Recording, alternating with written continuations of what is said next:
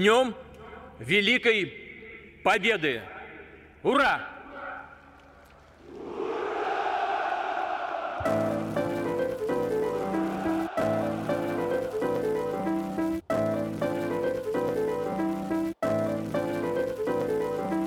Ja, lieve luisteraars, dit is de Lieve Witte Mannen podcast. Ik ben hier samen met Juri uh, en ik ben Raoul.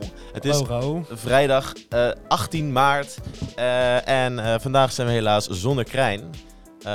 maar we hebben weer, nou ja, het is al een tijdje geleden. We hebben het begin februari, 1 februari gehad over nou ja, de spanning in Oekraïne. en toen hebben we geprobeerd om het Russische perspectief in ieder geval te duiden, maar zeker niet te rechtvaardigen. Um, nu zijn we uh, een, uh, al bijna anderhalve maand verder. En zijn we gewoon binnen. Ja, zitten, gewoon ja, drie weken en één dag na het begin van een volledige grondoorlog in Europa. Iets dat we niet meer gezien hebben sinds de Tweede Wereldoorlog. En nou ja, hooguit de invasie van Cyprus in de jaren zeventig. het is bizar uh, dat, we, dat, dat, dat we hier zitten.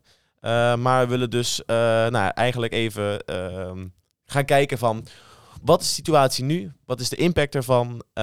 en um, hoe gaat het zich ontwikkelen in de toekomst? eigenlijk willen we eerst even kijken naar hoe de vorige aflevering... wat onze voorspellingen waren. van 1 februari. Toen hebben we eigenlijk hadden we voorspeld aan het einde van de, van, van, de, van de aflevering... toen we hier met Jacob zaten... Um, dat het verder uit dat, dat het conflict eigenlijk verder door zou rommelen. Uh, de Donbass was toen eigenlijk al bijna ge...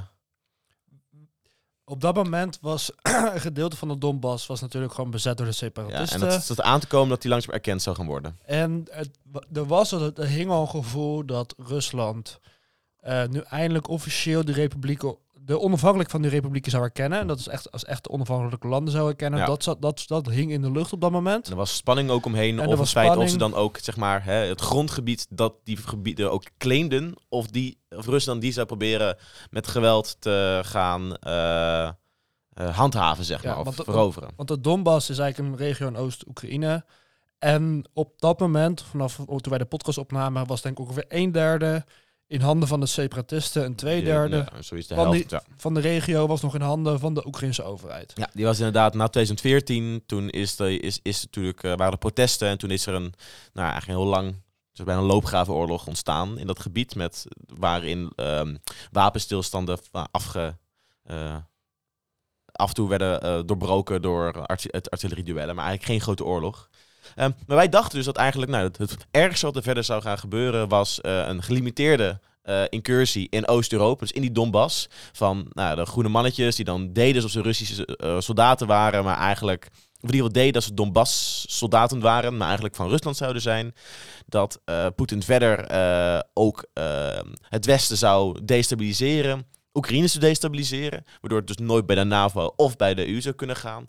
En verder ook um, West-Europa zou destabiliseren met zijn verdere ondersteuning met regimes van uh, bijvoorbeeld de PIS-partij in, in Polen of Orbán uh, en het ondersteunen van, uh, rechtse, van de populistisch rechtse partijen ook in andere West-Europese landen.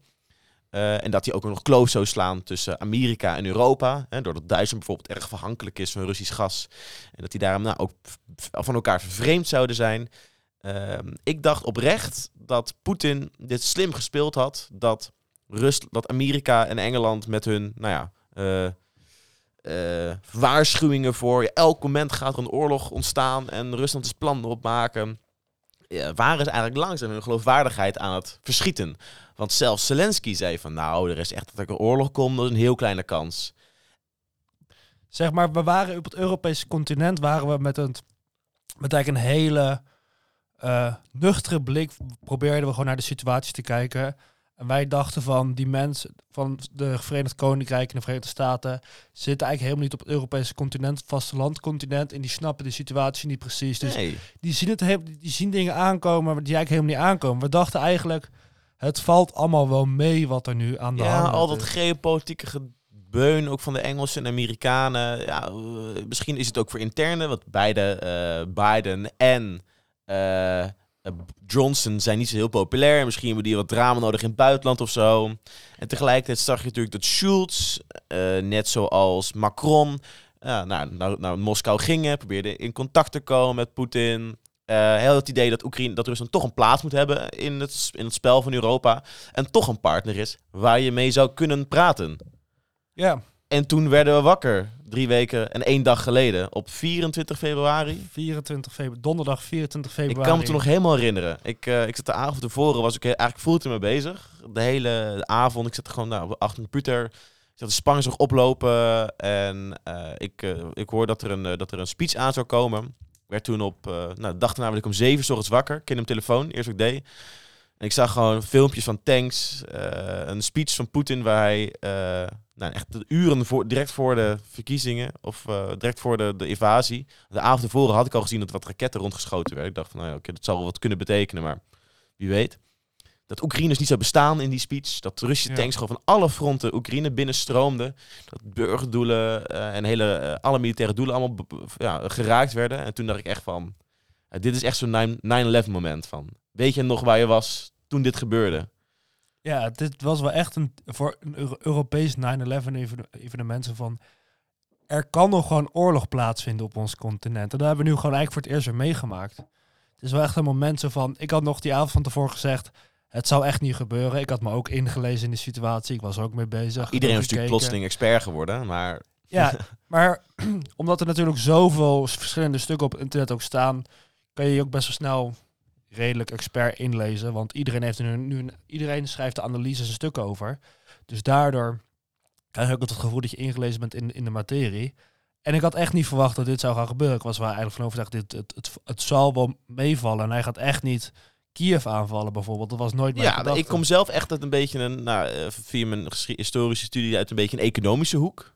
Uh, dat idee dat bijna alle keuzes die politiek gemaakt zijn, zijn uiteindelijk een economische keuze.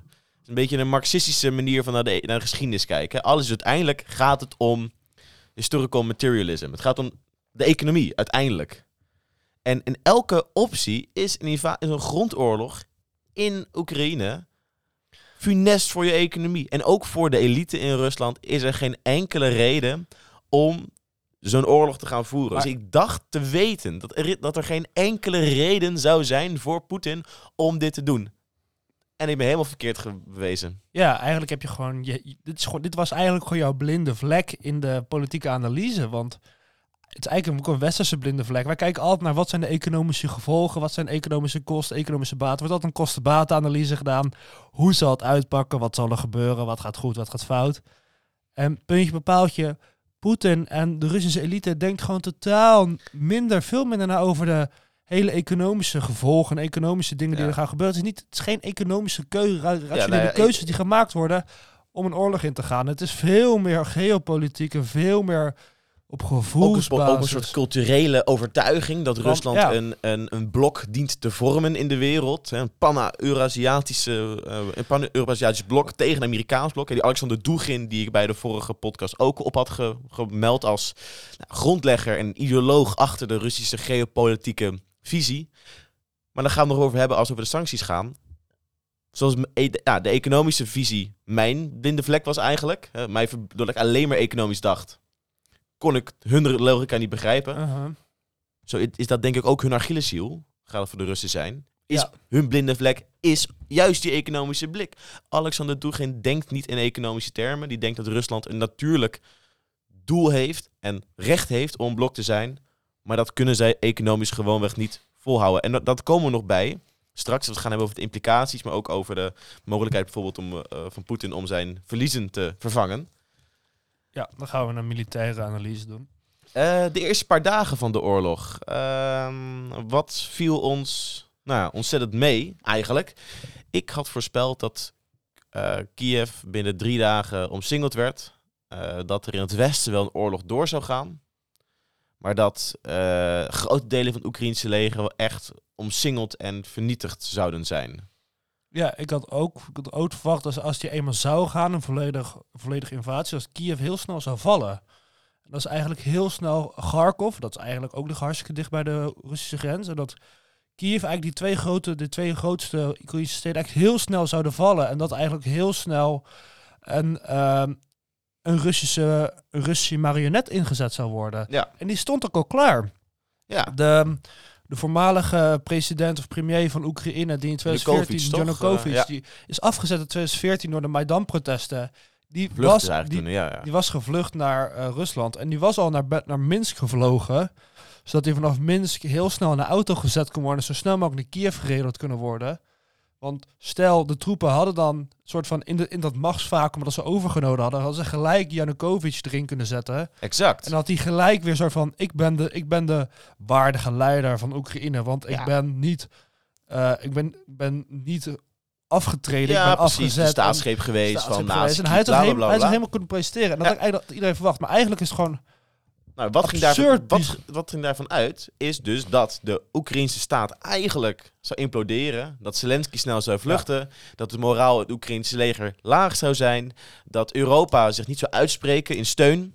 Eh, en ook dat het Russische leger nou ja, dus zo competent is als een ander West-Europees leger. Maar of wat- het Amerikaanse leger eigenlijk. Ja, dus wat verwacht was dat Rusland sterk was. Maar wat, ook, maar wat de Russen ook hadden verwacht, is dat ze eigenlijk welkom zouden geheten worden. Ze zouden als bevrijders worden gezien van, eh, van, van de dictatuur van Zelensky. Zo, Ja. werd, zo werd gepresenteerd. Bijna blind misschien van hun eigen retoriek. Hè? Die Maar ze is- ook aan hun eigen bevolking hadden, eh, eh, hadden, hadden gedeeld. Dat het, in, dat het een fascistische bezetting zou zijn. Een regime die de bevolking onderdrukt. Vooral ook de Russische bevolking. Ze zouden de Russisch sprekende bevolking zouden juist kunnen bevrijden van dat Oekraïnse juk.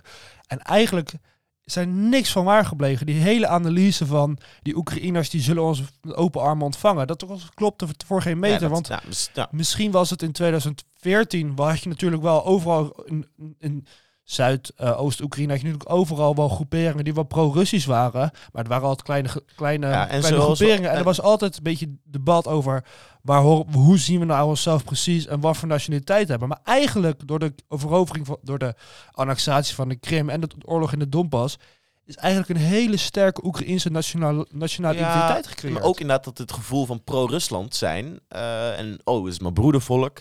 Ook voor verzwakt is. Hè, gezien de, eh, eh, dat het allemaal een stuk gewelddadiger is gebleken. eh, dan men gedacht heeft ook de Russische staat een stuk repres- repressiever geworden is. Ehm, en natuurlijk ook is dat waar misschien 2014 de toekomst nog in Rusland lag. Hè. Oekraïne was een arm land zonder enige mogelijkheid om misschien ooit bij de EU te komen. Terwijl Rusland een, met zijn olie dollars steeds welvarender aan het worden was. Mhm. Is nou, sinds na 2014 door de sancties is de Russische economie eigenlijk in een permanente crisis terechtgekomen. Het regime is eh, veel ehm, corrupter geworden. ehm, en representatiever. En, dus- en mensen denken ook in het midden van het land, hè, die ja, misschien zich wel Oekraïens voelen of Russisch sprekend. Denken van, nou, misschien ligt de toekomst dus echt veel meer in het westen. Zoals jij ook echt, echt wel tactisch goed bij de vorige aflevering al versteld had. De toekomst ligt nu in het westen steeds meer. Ja, maar ja, dat, ze voelen zich ook maar steeds meer. Zeg maar, wat, ik- wat ik vorige aflevering had heel gepost. Ik kijk heel erg naar voormalig ook uh, Sovjetlanden die in het westen zijn. Naar Polen en naar de Baltische Staten, naar Roemenië. Ze zien natuurlijk die vooruitgang daar. Dus Ja. Zij willen dat ook. En dat is toch super logisch als je kijkt naar Russische regio's die net over de grens zijn. Ook, ook hartstikke arm. Daar hebben ze ook niet zo superveel. Nee, de Donbass was eigenlijk altijd een van de meest welvarende regio's van Oekraïne. Die hadden ook het WK, hadden ze, nee, het Europees kampioenschap hadden die, waren die eh, thuisland van geweest tijdens de... eh, ehm, Het, het, het, het EK, Europees kampioenschap van 2012. Ja, dat was precies. in uh, Oekraïne en Polen. en het, ge- het hele economie is in elkaar gestort sinds de Russische annexatie. Eh, maar andere dingen zijn natuurlijk ook gewoon dat in het geval van een oorlog zoals dit... ehm, nou ja, is er ook ontzettend veel nationaal, nou nationale steun. Maar dat geldt natuurlijk ook, als we overgaan, naar Rusland. Hè? Het idee van de rally around the flag. Dat je dus Ja. onder je vlag kom je als volk samen. Dat, dat zie je nu ook echt gebeuren in Rusland. Eh, de super strenge Europese eh, sancties, die men eigenlijk bijna niet verwacht hadden. Eh, die ingingen op het compleet weren van nou ja, wat eh, legio bedrijven die, die helemaal uit Rusland trekken. Eh, verboden om te vliegen voor Russische vliegmaatschappijen. Het uittrekken van SWIFT, waardoor eh Ja. Eigenlijk helemaal uit het handelssysteem getrokken is. Het, het, het vooral ook heel belangrijk en ook heel politiek statement, het cancelen van Nord Stream 2. Ja. Dat wij, en, en openlijk ook zeggen dat wij geen nieuwe Russische ga- gascontracten gaan afsluiten. En het eh, verminderen van inkoop van Russische olie als het Westen zijnde. het vertrek van eh, grote internationale westerse ketens uit Rusland. Het zijn vooral, het is vooral heel, sommige dingen zijn heel erg symbolisch. Maar het, het voelt wel echt zo van, Rusland wordt wel echt geïsoleerd op een huidig Het moment. is wel echt het hardste wat eh, West-Europese landen eigenlijk non eh, westerse landen non-militair kunnen doen. Hè? Ja. Het is eh, het- op, eigenlijk op energie na is er eigenlijk een praktische boycott bijna alle Russische producten, Eh, maar ook vanuit Europa naar Rusland. Ehm, wat je nu denk ik gaat zien is dat het nog een paar maanden duurt voordat het echt impact gaat hebben. Eh, dat mensen echt eh, hun banen, heel veel mensen hun baan gaan kwijtraken. Niet alleen mensen die werken bij een buitenlands bedrijf. Dat voedselprijzen echt de lucht ingaan. Dat alle consumentenproducten super duur worden. En dat ook de Russische oorlogs, eh, eh, oorlogsindustrie zich niet meer kon onderhouden zonder import. Eh, maar dan gaan we nog wel zien. Nog ook interessant vinden is hoe Rusland eigenlijk compleet af is gesloten van de totale kapitaalmarkt. Het idee Ja. was, Poetin had een enorme war chest. Er zat 600 miljard zat erin aan, do- aan dollars, euro's en yen. Voor heel veel euro's. Ja, hij had er op verschillende Ehm, buitenlandse en valuta. zowel de dollars als de euro's allemaal gewoon grotendeels ook gewoon bevroren door ja, westerse banken. afgesloten voor Poetin. dus die Daar kan hij 600 is maar, is maar 200 miljard over, zeg maar. En dat is plotseling een stuk minder eh, dikke war chest. eh. Maar het is ook een stuk minder indrukwekkend. En dan kan hij ook een stuk gewoon minder lang mee volhouden. Gewoon. de hoop was inderdaad dat, die, dat hij de markten en het marktvertrouwen eh, eh, met die buffer eh, in het oog van een aantal matige sancties. Hè, bijvoorbeeld nou, een paar bedrijven die meer mochten of een paar eh, limitaties voor bepaalde exports, bijvoorbeeld of tijdelijke sancties. Dat dat kan overbruggen, net zoals met corona ook gebeurd is. Maar de huidige intensiteit van sancties is zo groot. Dat gewoon alle bedrijven massaal gewoon compleet gestoord worden, eh, afgesn- afgesneden worden van elke vorm van buitenlands kapitaal. De, de Russische, de Moskouse aandelenmarkt is tot drie weken gesloten. Eh, Ja. En de dag dat hij, zeg maar, voordat hij dichtging, dus dat ging het al echt om cijfers van min 60 procent. Eh, banken die gewoon al hun kapitaal is gewoon weg, zeg maar. Dus dat is niks meer. Het is absurd. En wat je ook kan zien is, er waren ook een aantal Russische bedrijven gevestigd in eh, Londen, op de Lo- Londense beurs. Die zijn ook gewoon volledig in elkaar gestort, het hele aandeel ervan. Gewoon niemand heeft meer vertrouwen in Russische, Russische bedrijven. En ja, zodra de Moskouse beurs open gaat, dan loopt het helemaal uit de hand daar. Ja. Die moet wel een keertje open gaan, toch, Jury? uiteindelijk moeten ze wel weer een keertje open gaan. Je, je kan het niet voor Je eeuwig... kan die uitstellen of zo. je kan niet want- voor eeuwig blijven, want nu is telkens de markt, markt bevro- de bevroren. Je mag niet meer handelen erin. Ja, dus dan duizenden opties natuurlijk klaar. En om alles in één keer helemaal leeg te kopen, zeg maar. Ja, het is, ab- het is absurd gewoon. Op, hij moet een keertje open natuurlijk weer. Op een gegeven moment, je kan niet... Het is bizar. In een geglobaliseerde wereld... Ja, of, of, of het moet in zo'n absurde situatie dat Poetin, dat Poetin echt die markt voor altijd dicht kan houden. Dan ga je hem soort van volledig de hele kapitaalmarkt, ga je de aandelenmarkt ga je dat, dat sluiten. betekent het einde van de Russische kapitaalmarkt. Dat is het einde van, ook het einde van de aandelenmarkt, zeg maar. Dan, dan de sluit je vraag is, volledig. is het nou slecht om die kapitaalmarkt nu gewoon dan door die crunch laten gaan? Of dan gewoon nooit meer toegang te hebben tot überhaupt de kapitaalmarkt? Dus de hele, als overheid heb je ook geen toegang meer tot internationale, internationale kapitaalmarkten. Ja, en dat was afgelopen, eh, afgelopen week echt een heel groot spannend. Want Rusland moest voor de eerste keer eh, buitenlandse schuldpapieren afbetalen in dollars en in euro's. Dat is uiteindelijk toch nog wel goed gekomen, omdat ze nog op een of andere hele rustige manier konden handelen op een heel klein bedrag. Maar dit wordt ook heel spannend, want eigenlijk kunnen ze bijna niks meer verhandelen in eh, euro's en dollars. Ja, ja nou, het is Het bizar. is een absurde Ehm, situatie nu, want we hebben ze eigenlijk gewoon volledig afgesloten en nu zitten ze echt op zichzelf. Maar voor, voor Rusland, er kan, er kan nu niks meer van buitenlandse producten in. En, en er wordt natuurlijk gezegd dat Rusland autarkisch geworden is en dat ze volledig op zichzelf kunnen draaien. Maar er zijn nu ook al geruchten, de Russische vlieg, eh, vliegmaatschappijen mogen nu geen... eh dat zijn eigenlijk allemaal uit een Airbus en Boeing dat vliegtuigen. is allemaal geleased worden die, door Die worden allemaal geleased door buitenlandse bedrijven. Nou, heeft Poetin wel gezegd, die laten we gewoon hier en die eh, nationaliseren we wel, zonder dat we daarvoor gaan betalen. Hè. Gewoon, zo pakken ze in. Maar eh, vliegtuigen hebben best veel onderhoud nodig. Ja. En eh onderhoudonderdelen komen allemaal uit Europa en het Westen. het is te doen. I- En- eh, Iraanse vliegtuigmaatschappijen die vliegen ook al jaren met echt 50 jaar oude vliegtuigen, zeg maar. Ja, alleen, je kan dan, op een gegeven moment houdt het op. Die vliegtuigen moet je onderhouden. En op een gegeven moment ga je, moet je minder gaan vliegen. En En dan gaan we vooral voor zorgen dat het land praktisch via de lucht on, on- ja, onbereikbaar is. Want eh ja, die zeg maar unserviced vliegtuigen die mogen helemaal niet het Europees luchtruim binnen. Ja, Een klopt. soort Noord-Korea wordt het, zo'n ping, die, die ook Co- Koryo Airlines. Eh maar dat gaat dat gaat ontzettend veel nou, pijn doen ook in zo'n land. Maar interne vluchten zijn denk ik het belangrijkste. Ah, ja, Tarkiet heeft dat ontzettend tegen. Ja, Eh, echt vooral technologisch gezien. Ehm, En- ze, hebben wel enorm, ze, ze hebben een chipindustrie, maar die werkt op niveau van de jaren 90, zeg maar. En, en, kunnen da- niks da- produceren. daarom de grootste, en eigenlijk interessantste voor de lange termijn eh, sanctie is. De Amerikanen en Europeanen hebben een verbod gezet dat niemand mag meer eh, semiconductors, van die speciale processoren, Ja. die mag niemand meer exporteren naar Rusland. En wat vooral heel krachtig is, Taiwan, Japan, Zuid-Korea, Singapore, die landen zijn juist meegegaan in dat verbod. En dat zijn ook juist de landen die het kunnen produceren. En de Chinese chipindustrie is eigenlijk nog niet krachtig genoeg en nog Zeker niet niet. goed genoeg Nee.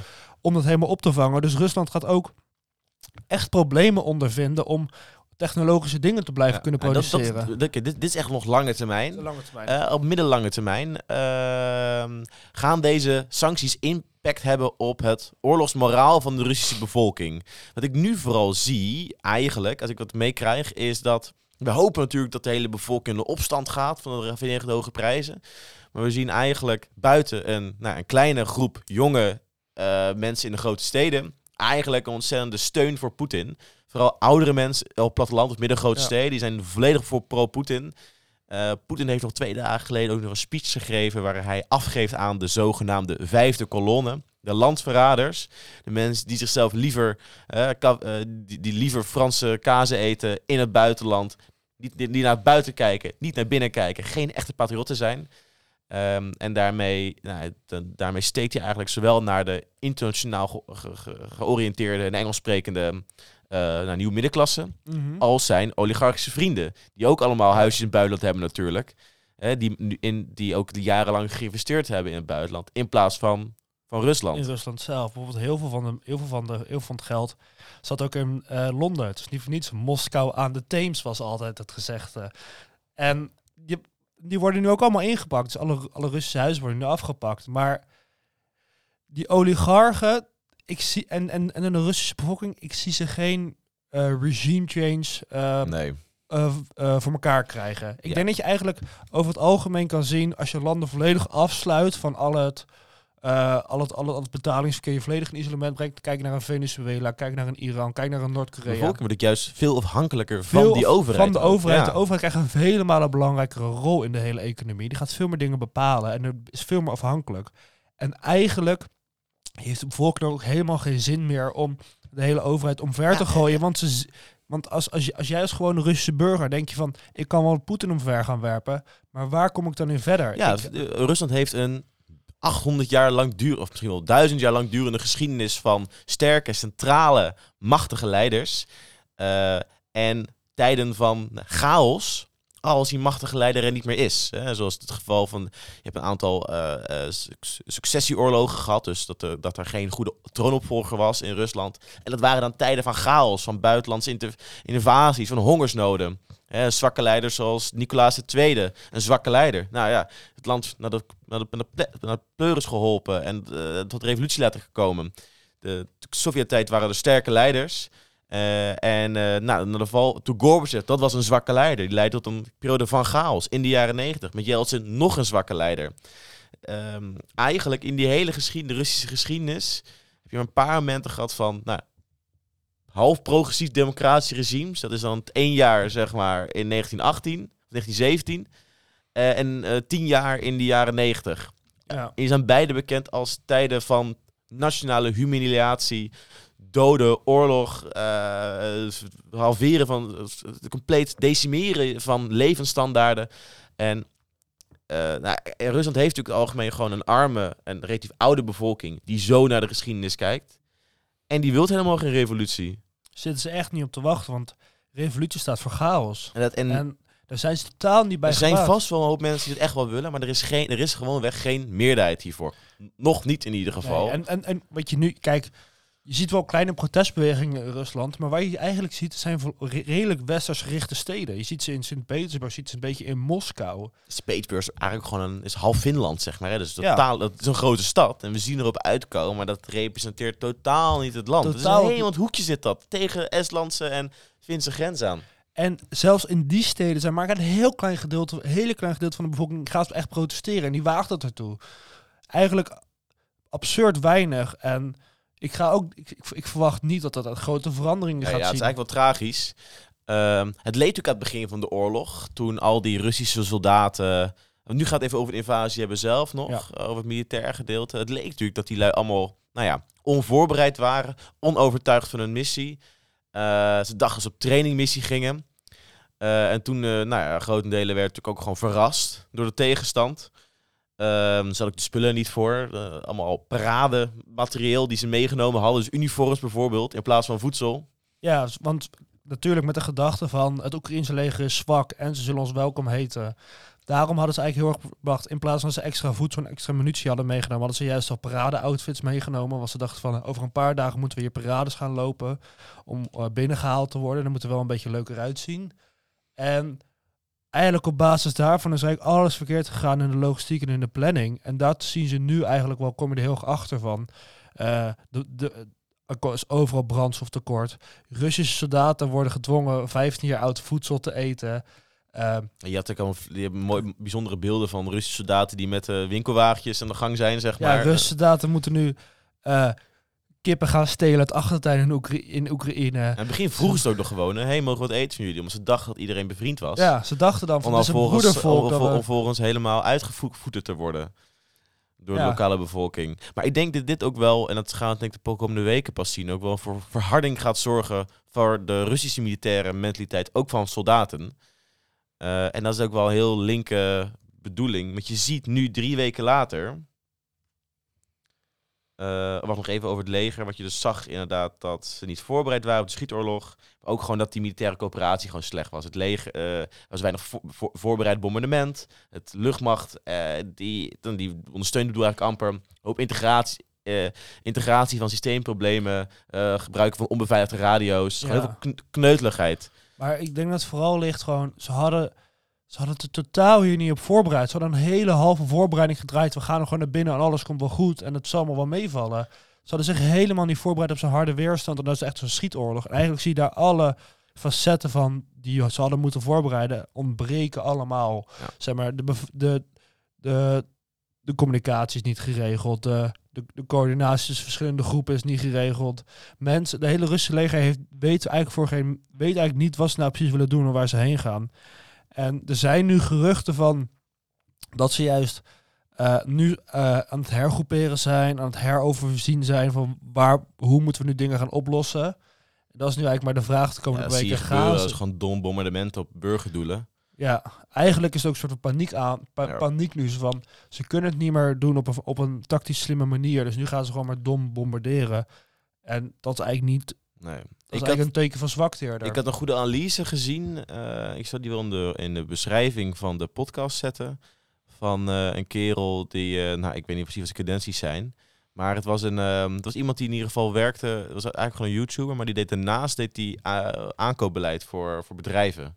En die had een heel interessante analyse dat als je iets wil, als je iets wil, kijk, als je geld hebt in het budget, dan moet je iets opbouwen, investeren in de capaciteit die je wil hebben. Rusland heeft volgens hem te lang geïnvesteerd in prestigeprojecten eh, om zich te kunnen meten aan China en Rus en Amerika. Maar daardoor zijn doelstelling, zijn kerncapaciteit eigenlijk juist verloederd. Er zijn ontzettend veel is er geïnvesteerd in de laatste 20 jaar in het Russische leger. Eh, honderden miljarden. Eh, het defensiebudget is opgekoopt naar 60 miljard. Nou ja, als je naar prijs, purchase parity zeg maar gaat, dan zit je al 120, 150 miljard per jaar. Dat is een hoop geld. Maar in de praktijk zijn je dus vergaan naar prestigeprojecten. Eh, de marine, die erg duur is, maar Rusland eigenlijk heel niet nodig heeft, die heeft ontzettend veel nieuw budget gekregen. Nou ja, die wordt totaal niet gebruikt in deze oorlog. Dus het is al een derde van het Russisch militaire budget dat compleet weggegooid kan worden. Er is heel veel geld gegaan in het investeren in nieuwe nucleaire eh, capaciteiten. Nou, superleuk, maar niet nuttig voor een grondoorlog in Oekraïne.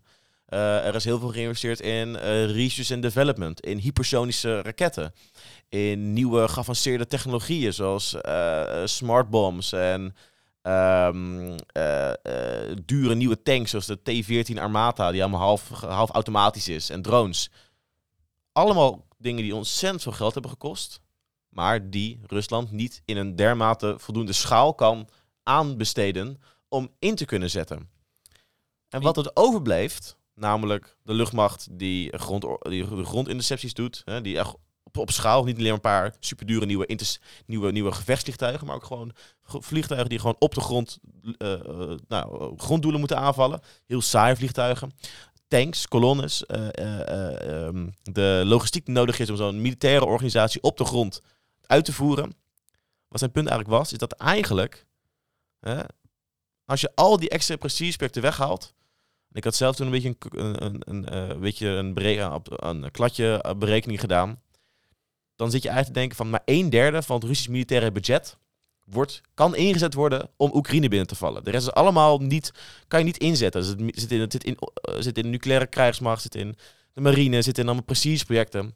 Terwijl Oekraïne kan 100% van zijn militaire budget is gericht op het verdedigen van het land. Geen dure luchtmacht, eh, veel mobiele, mobiele eenheden, veel, veel raketinstallaties.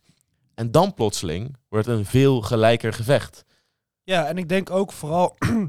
Kijk, in alle, in alle grote analyses is ook gewoon het Russische leger wordt altijd als het volledige Russische leger gezien. Als een miljoen actieve soldaten. Maar je moet eigenlijk meer kijken van hoeveel kunnen ze nou uiteindelijk daadwerkelijk neerzetten. Kom je uiteindelijk op 200.000 soldaten uit. Het Oekraïnse leger had eh, voor het begin van de oorlog 125.000 actieve soldaten.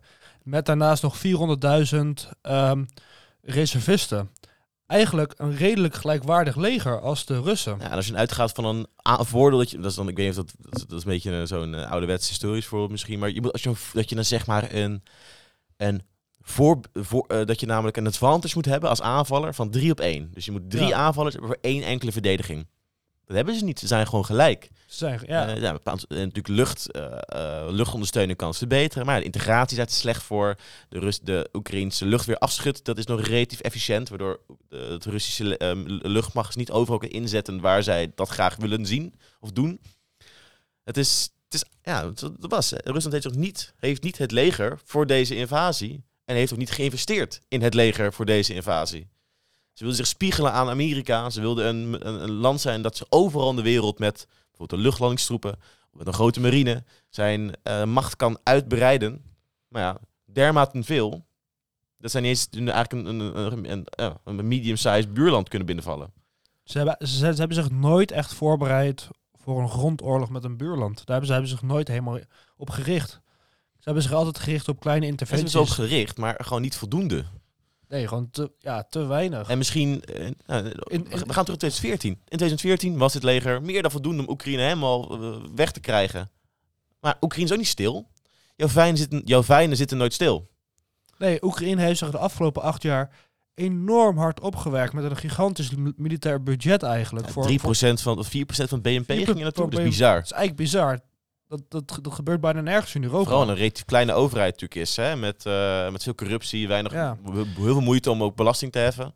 Maar daardoor hebben ze eigenlijk zo enorm veel geïnvesteerd. En wij hebben ook als Westen bij heel veel Oekraïnse troepen ook eh, getraind. En Oe- Oekraïnse eh, officiers getraind in juist in andere tactieken dan alleen de Sovjet-tactiek. Want de hele Russische, want het Oekraïnse leger was in 2014 vooral nog heel erg gericht op de Sovjet-Unie-tactiek. Ja, Eigenlijk met hele ouderwetse strategieën. En, en voor de Russen was dat juist heel voorspelbaar. Want ze, hadden, ze waren geschoold in dezelfde, in dezelfde gedachtegoed, dezelfde ideeën, dezelfde tactieken. En eigenlijk hadden ze in 2014 vele malen makkelijker het hele land over kunnen nemen. Ja. Nou, zekers. Maar toen waren ze eigenlijk... Toen wouden de Russen Ik denk dat. Poetin ook heel lang gedacht heeft. En dat, dat is- natuurlijk in mijn optiek. eh, Als ik Poetin zou zijn, was het nog steeds de beste methode geweest. Ik had gewoon lekker gewacht tot Zelensky, die impopulair aan het worden was, bij de volgende verkiezingen weer uitgetrapt werd. weer eh, interne eh, divisies on- ontstaan waren. Push lekker, je, push lekker eh, de Donbass, maar laat, laat het heel rijk lijken. Hè, ondersteun lekker die partij van de regio's, de grote Russisch, de pro-Russische oppositiepartij. Ja, er valt heel veel te kneden in, dat, in, in het hele land. En eh, het heeft allemaal weggeflikkerd. Ja, hij heeft eigenlijk zijn hele positie weg, weggegooid voor deze invasieoorlog. En eigenlijk slaat het nu heel erg tegen. Maar ja, maar je ziet nog wel, in het zuiden van Oekraïne maakt hij wel grote stappen. Dat, dat is natuurlijk, kijk, dat is natuurlijk 100% waar. Als het nu, nou, kijk, eh, we gaan nu, we nu de stap maken naar, nou, nu eigenlijk, na Ja. drie weken, was de front, de staat van het front nu. Want ik, want ik denk dat je kan, je kan bekijken naar, er zijn ongeveer vier fronten nu. Je hebt een eh, front in de Donbass, daar is vrij weinig gebeurd. Dat is eigenlijk heel stabiel, want daar zitten de best getrainde Oekraïnse troepen zitten daar. Die zaten er al inderdaad. Die zaten ja. er al vanwege natuurlijk de hele, de hele tijd soort mini-schietoorlog die ze daar hadden. Dus die zitten er nog steeds en die houden de Russen best goed tegen. Dan heb je eh, eh, rond Kharkiv heb je een hele zo'n halve omsingingspoging zijn ze nu mee bezig, maar dat mislukt ook. En wat eigenlijk verwacht was dat Kharkiv heel snel zou vallen, maar dat valt ook tegen. Dat zijn ze nu gewoon aan het bombarderen. Dat is eigenlijk gewoon de stad eigenlijk gewoon uitmoorden. Ja. En je hebt natuurlijk het hele front rond Kiev, de hoofdstad van Oekraïne. En daarin proberen ze ook te omsingelen, maar dat mislukt ook. Ja, dus de VDV hadden ze daar gedropt en die uiteindelijk is allemaal dus mis- mislukt. Ja, en toen hebben de Oekraïners eigenlijk heel, heel tactisch alle strategische punten die eh, opgeblazen. Dus dat vliegveld opgeblazen, verschillende bruggen opgeblazen. Het is echt gewoon, het, ze maken het gewoon een, on, ze proberen het gewoon een hele onneembare stad te Wij maken. krijgen natuurlijk ook een ontzettend pro-westers beeld voorges, eh, voorgeschud. En Zeker. kijk, wij zien natuurlijk ook persoonlijk wat wij willen zien. Ik wil Mhm. graag dat Oekraïne... eh, het, is- het is een perfecte underdog story. ja, het is Eh, prachtig. De- de Een beetje Finland Rus- tegen Rusland idee eh, in de winteroorlog. En ja, natuurlijk wil je dat zien. Maar is, de realiteit is natuurlijk wel gewoon... nog steeds heeft Rusland strategisch en militair gewoon het overwicht.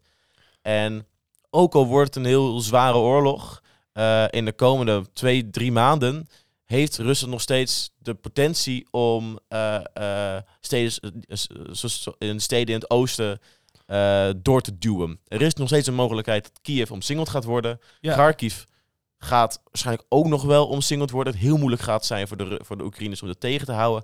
Mariupol zal gaan vallen. Mariupol zal vallen. Eh, en in het zuiden, en- Gerson is nou overgenomen. Ja, en Mykolaiv zijn ze nu mee bezig. ja, en ja, er gaat binnenkort een landing aankomen. ja, de. Russen gaan zeker, de Russen gaan echt zeker nog vooruitgang maken. Maar de vraag is, wat gebeurt daar dan? Als je nu kijkt naar de verliezen die Rusland heeft geleden en de troepen die zo ingezet hebben. Rusland heeft, ik, ik weet inderdaad niet per se van, maar is dan ter indicatie. Rusland werkt met tactical, eh, eh, technical battalion combat groups of zo. Die werken met of een legereenheden van anderhalf duizend man. Die, compleet met eigen, eh, die, zichzelf compleet kunnen onderhouden. Lekker flexibel, dan hebben ze de divisie hebben ze afgesteld. Eh, en daarvan is ongeveer 100, 100 van de 170 eh, ja, tactische eh, gevechtsgroepen zijn, die Rusland heeft, die zijn al ingezet. En Ja. 100% van alle troepen die Rusland opgebouwd had, zijn ook al ingesteld. Ja, alle troepen zijn nu in Er Oekraïne. zijn dus geen strategische reserves meer. Die nog gebruikt kunnen worden om eventueel een uitbreiding te doen. Dus het is veilig om aan te nemen dat er geen. dat Rusland niet meer in de mogelijkheid is om grote nieuwe stoten te gaan doen. eh, binnen nu en nou, een maand. Ja, je, je, je ziet het zelfs nu. Eigenlijk zijn ze in paniek. Zijn ze nu overal troepen aan het weghalen nu. Dus de, in Georgië hebben ze ook natuurlijk een kleine, kleine troepenmassa staan. Daar zijn ze troepen aan het weghalen. Ze zijn nu Syrië aan het vragen om Syrische, het Syrische leger te laten helpen. Ze zijn overal een beetje troepen aan het wegschrapen om maar gewoon extra mannen er- erheen te kunnen sturen. Maar wat je eigenlijk ziet, heb je gelijk in. Er is, er is niet een hele grote pool van mensen nog meer die ze zomaar erin kunnen zetten. Of er moet de dienstplicht in gaan roepen. En dan moet je eigenlijk heel veel ongetrainde soldaten het veld in gaan Zeer impopulair bij de bevolking. Want dan is er zeer- plotseling geen gelimiteerde kleine militaire oefening meer. Dan is er plotseling echt wat aan de hand, blijkbaar. Dan is er echt een Kijk maar naar Amerika en Vietnam. Toen plotseling allemaal burgers naartoe moesten, allemaal dienstplichtigen. Toen was het niet meer een leuk avontuurtje en een eh, land dat geholpen werd, zeg maar. eh. Nee, dan, dan is het gewoon echt ellende aan de gang. Ja, ehm, Dat is een hele... Dat zouden ze nog kunnen doen, maar er is, er is geen getraind professioneel materieel meer bijna beschikbaar in Nee. Rusland om erheen te sturen. Ja, we reservisten krijgen inderdaad. Maar ook wel militair gezien. Hè? Als je kijkt naar hoeveel tankverliezen. Eh natuurlijk, het allerbeste spul is, wordt nog niet ingezet. Maar er zijn echt wel wat grote, dure stukken geschud. Een hoop eh, zien vooral ook een hoop rotzooi voorbij komen. Tanks die echt al nou, jaren oud zijn. De vroegste variant uit de jaren 70, die nooit een verdere updates heeft gehad. Ook duur materieel. gloedje nieuw anti- anti-luchtgeschut. ook een aantal van ehm, opgepakt worden. Je hebt Onyx, dat is een, een, een iemand op Twitter, een Hollandse kerel, die ehm, op basis van video- en fotomateriaal, die ook gestimestampt wordt, eh, de Russische en Oekraïnse verliezen bijhoudt. Nou, je ziet het gewoon dat het goed in voordeel van de Russen is. Maar de Russen kunt ook meer missen natuurlijk. Maar eh, dat is gewoon wel echt al nou, met meerdere tientallen aan percentages aan tanks van die de, Russische, eh, die de Russen gewoon en andere tanks, trucks, andere gevechtsvoertuigen die Rusland had verzameld, die is gewoon al uitgeschakeld of gevangen genomen of, eh, of, of, of meegenomen door Oekraïners bijvoorbeeld. Of verloren gaan. is echt een hoop. En dat is, en, dat, kijk, die verliezen, die kan Rusland gewoon niet zonder complete eh, economische mobilisatie, als het dan mogelijk zou zijn, kunnen ze niet gaan vervangen.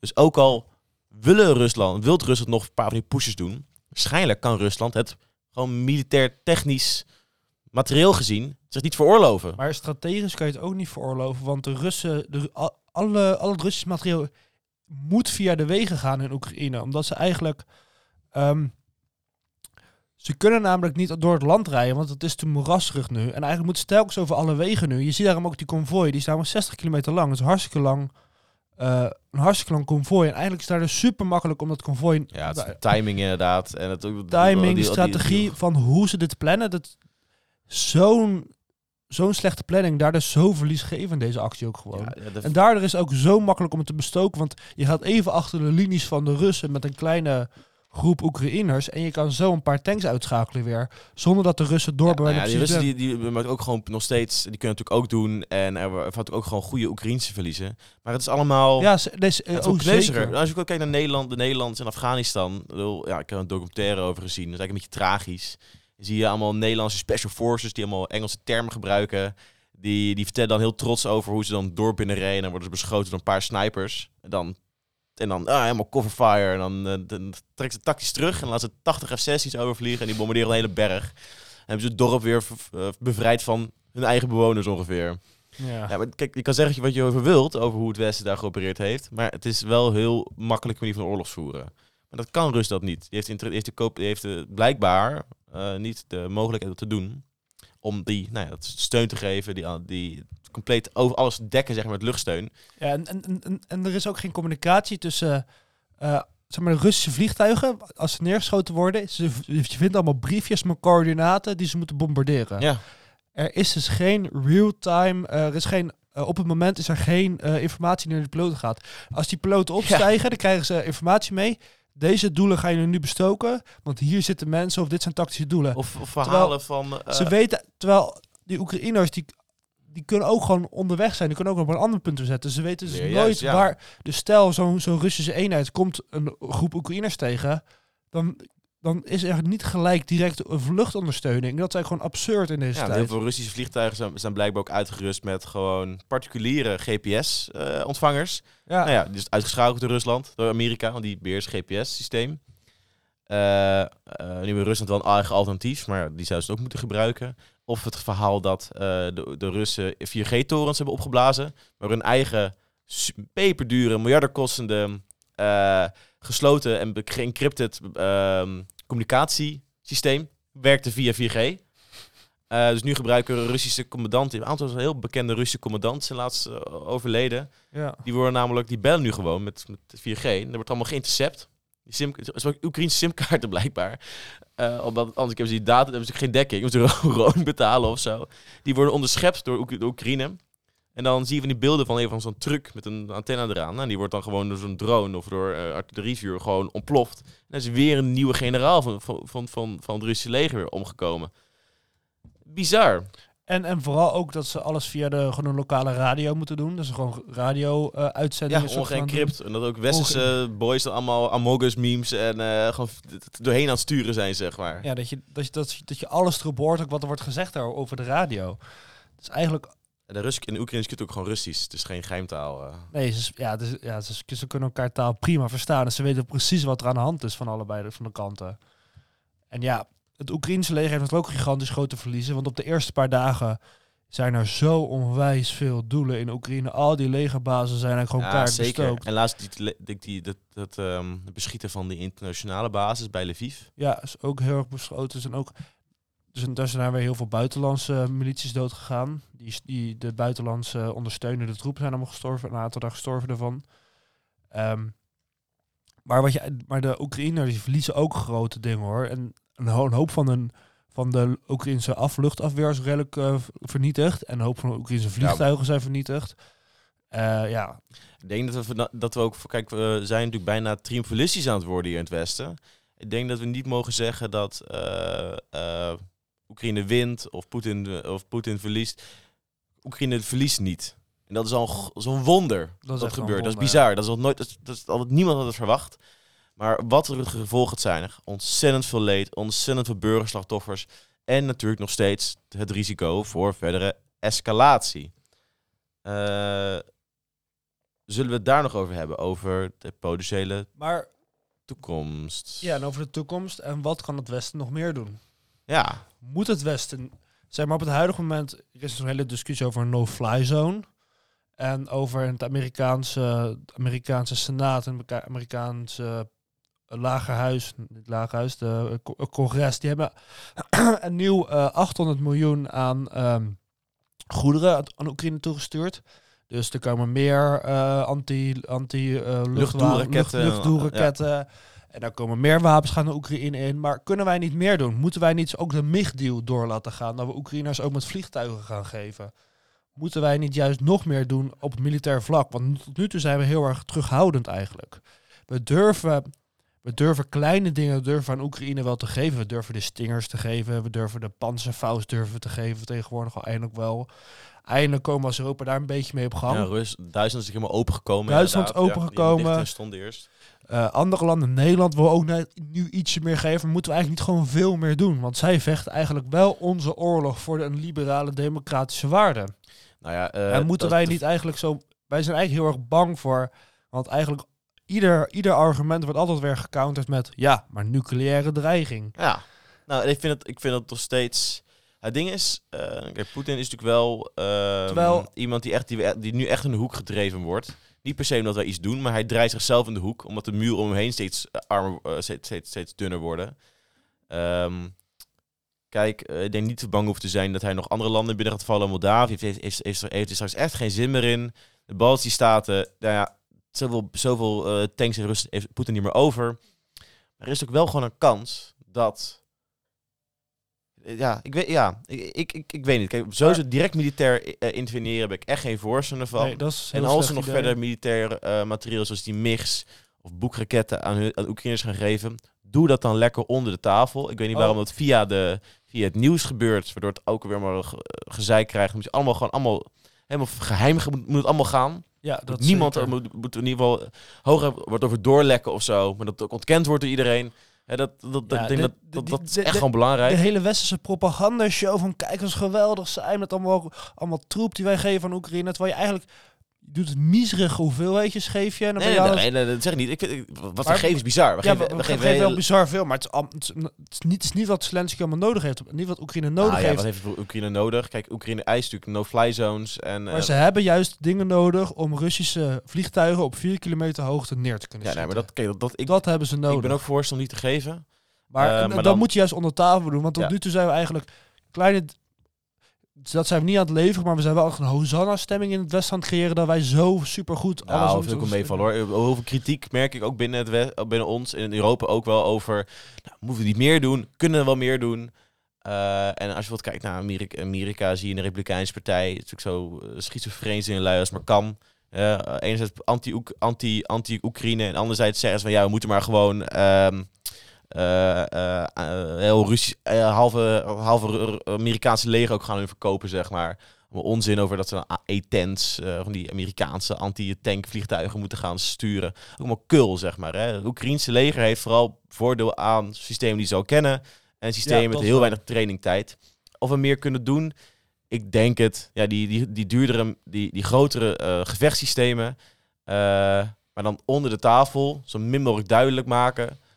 Eh, Stilhouden. en niet verdere echt interventies, no-fly zone zit er niet in. Dan moeten we echt echt- Russische eh Je moet vliegtuigen niet direct Russische vliegtuigen. Je moet, de Oekraïners moeten Russische vliegtuigen de beste oplossing is, ook om Poetin zeg maar niet Spanisch te maken, is eh, om... Kijk, Poetin moet... Het, het regime van Poetin moet intact uit deze oorlog komen. Dat is voor Poetin veruit het gezondste. Eh daar gaat hij niks raars doen. Hij, Ja. eh, in de beste situatie eigenlijk, dan komt, ontstaat er een soort van grondoorlog. St- Oek- duwen de Oekraïners misschien een deel terug, eh, ideaal. En uiteindelijk komt er een situatie waarin er een vrede ontstaat die heel positief voor Oekraïne is, zeg maar. Zieke garanties er van Rusland. Ze mogen bij NAVO. Eh zo niet bij de Europese Unie bijvoorbeeld. De Europese Unie is natuurlijk heel andere eisen. Moet je aan voldoen dan aan de NAVO. Ik denk dat ze- komen makkelijker bij de Europese Unie dan bij de NAVO. Nee joh, helemaal niet. Albanië, Noord-Macedonië zitten ook allemaal bij de NAVO. De NAVO hoeft alleen maar militaire eisen te voldoen. Terwijl bij de Europese Unie moet je al Zeker, bestuurlijke en economische eisen Ja, voldoen. ook zeker, dat is waar. Maar, de Na maar voor Rusland is de, Na- de NAVO lastiger te accepteren dan de Europese Unie. Ja, maar ja... maar ehm, qua bureaucratisch is het lastiger om bij de EU te komen dan bij de NAVO. Ja, nou, kijk, ik denk dat... Ja, het is natuurlijk... ehm, ja, en Ruslands psyche, in ieder geval ook in de beeldvorming, is natuurlijk de NAVO is de grote vijand. Joh, als wij een alternatief bondgenootschap starten en we noemen het eh, de, de, de, de grote Europese vriendschapsgroepje, eh Mhm. met allezelfde eisen, verander gewoon de naam van de NAVO. Weet ik veel, dat, dat, dat is dat heel berg. Dat, dat Ja, maakt de, hele situatie anders. Of Maar- gewoon bijvoorbeeld een eenzijdig akkoord met de Europese Unie. Om bijvoorbeeld eh, eh, Oekraïne in, wat is het? Paragraaf 47.2, die Europese defensie. Ja. eh, eh, daar, nemen we alleen daarin mee, zeg maar. ja, maar dan moeten wij als Europese Unie alsnog gaan vechten voor Oekraïne bij, bij een nieuwe Ja, invasie. bij volgende. De Maar dat is, dat, dit gaat allemaal pas komen nadat, nadat, nadat de vrede wordt gesloten. Of Ja, in ieder zeker. geval een, eh, een overtuiging. Kijk, een van de slechtste uitkomsten, denk ik, dat er een soort, eh, dat er een soort Korea-situatie ontstaat. Dat, dat het land permanent verdeeld wordt. Een permanente loopgraaf situatie eigenlijk het midden ontstaat met grote legers aan beide kanten. Ja, dat zou echt... eh, Dat zou voor onhandig. West-Oekraïne eh, eigenlijk het beste betekenen. Want dat zou dan feitelijk betekenen dat zij het Westen gesteund opgenomen worden in eh, Ja. eh, Westen, het westerse wereld. Maar ze natuurlijk Rusland alleen maar ver- verder ver, ver, ver- ver- vervreemden, eh autocratischer maken en verder naar een diepe armoede storten. En dat zou voor Oost-Oekraïne ook totaal geen gunstige situatie zijn. Dat zij dan, dan worden zij ook een soort, eh, dan worden zij een soort Noord-Korea eigenlijk. Dan wordt het een, een, een, een, een, dictatuur met, met alleen maar militaire heden om zich heen. Geen economische vooruitgang. Het belangrijke in ieder geval denk ik is dat Poetin uit deze oorlog komt. eh onges soort van kijk, geschaden in zijn interne populariteit. En dat er flink getwijfeld wordt aan zijn situatie. Eh, Rusland zie ik echt, de democratische toekomst voor Rusland is ver te, ver te zoeken. Eh, en zeg maar een versplintering of een burgeroorlog in Rusland wil je ook echt niet hebben. Nee, niet Het beste wat er kan gebeuren is een paleiskoep.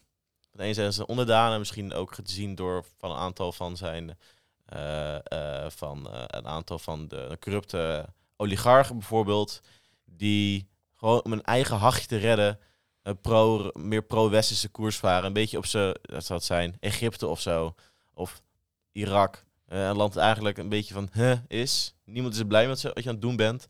Nee. Maar ze willen vooral een eigen hachje redden. En daarom Ik- ik- ik- en dus een beetje naar het westen. En- En ook, en ook naar China net zo goed hoor. Een beetje een soort van tussenvorm die alles maar gewoon speelt als het er maar uitkomt. Ik vind, ik vind het idee van een Egyptische paleiskoep vind ik wel interessant. Want Egyptenaren is ook gewoon een dictatuur.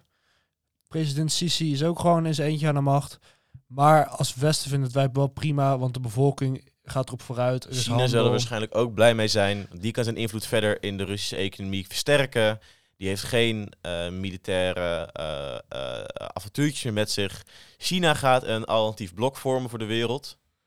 Dat kunnen zij ook economisch, Ja. demografisch ook.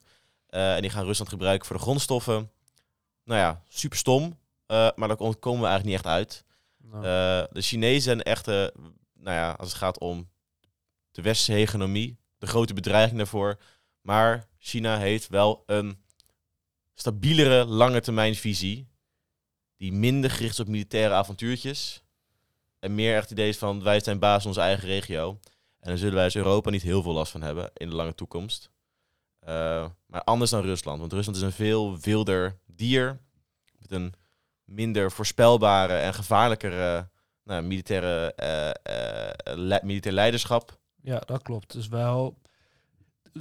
De, maar het Rusland van de afgelopen 15 jaar is ook veel heel militair actief geweest. Overal en nergens eigenlijk. Ja. In, in, in, in, eh, in het Midden-Oosten, in Afrika, in Georgië, nu in Oekraïne.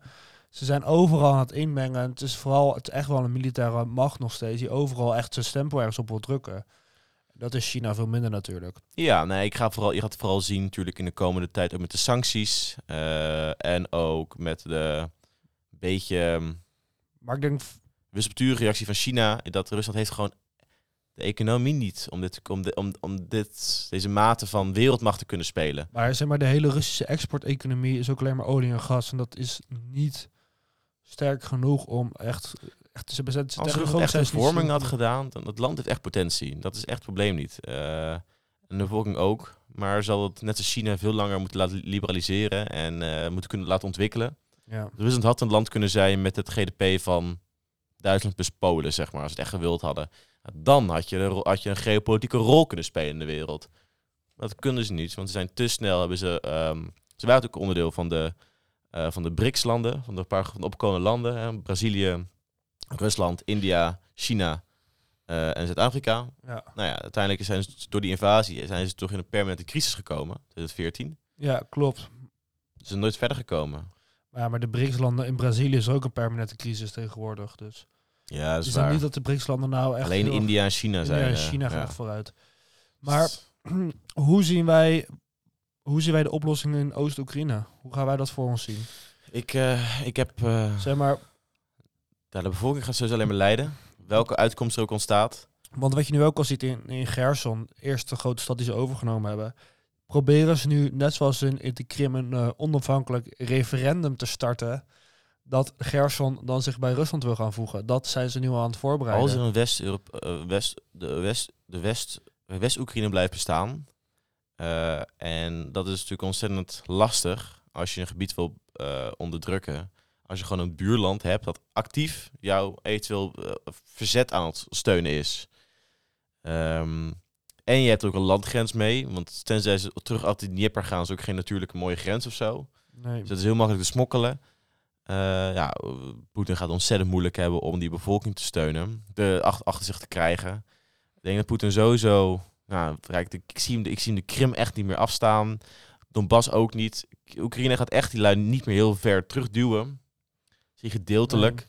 En lokale opstanden, nou ja, dat, dat gaat misschien wel komen. Maar dan gaat Rust, als Rusland één, de Russen één ding goed weten, is hoe ze dat moeten neerslaan. Dat gaat ontzettend bruut worden. Eh, als er echt een keer grote protesten gaan staan. Ik Nazi-Duitsland heeft een, jaar, heeft een jaar gespeeld in Nederland, eigenlijk.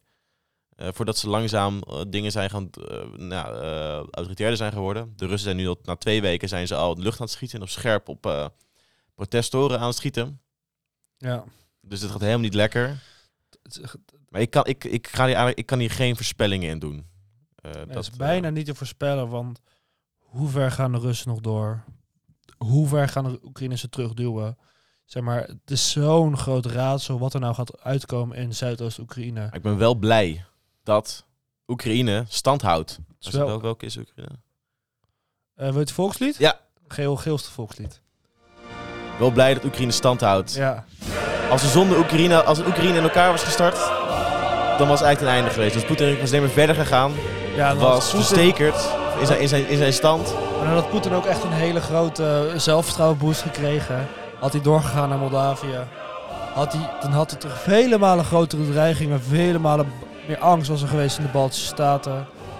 Dan, dan hadden wij als Europa ook helemaal geen tijd gehad om een goed, sterk, eh, een goed sterk antwoord te komen. Was Duitsland niet ontwaakt.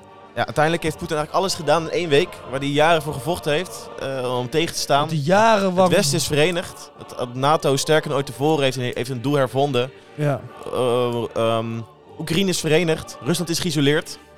Baltische en zelfs China, is, niet, meer zelfs. China is, een beetje aan het twijfelen over de situatie. Dit kan Poetins Waterloo worden. Het wordt wel heel link Waterloo. ja. Ehm, het is, er is zeker een happy ending. Ehm, want ja, op een bepaalde manier, als Poetin in één keer het land overal overgenomen had, was er waarschijnlijk minder bloed ge- gestroomd.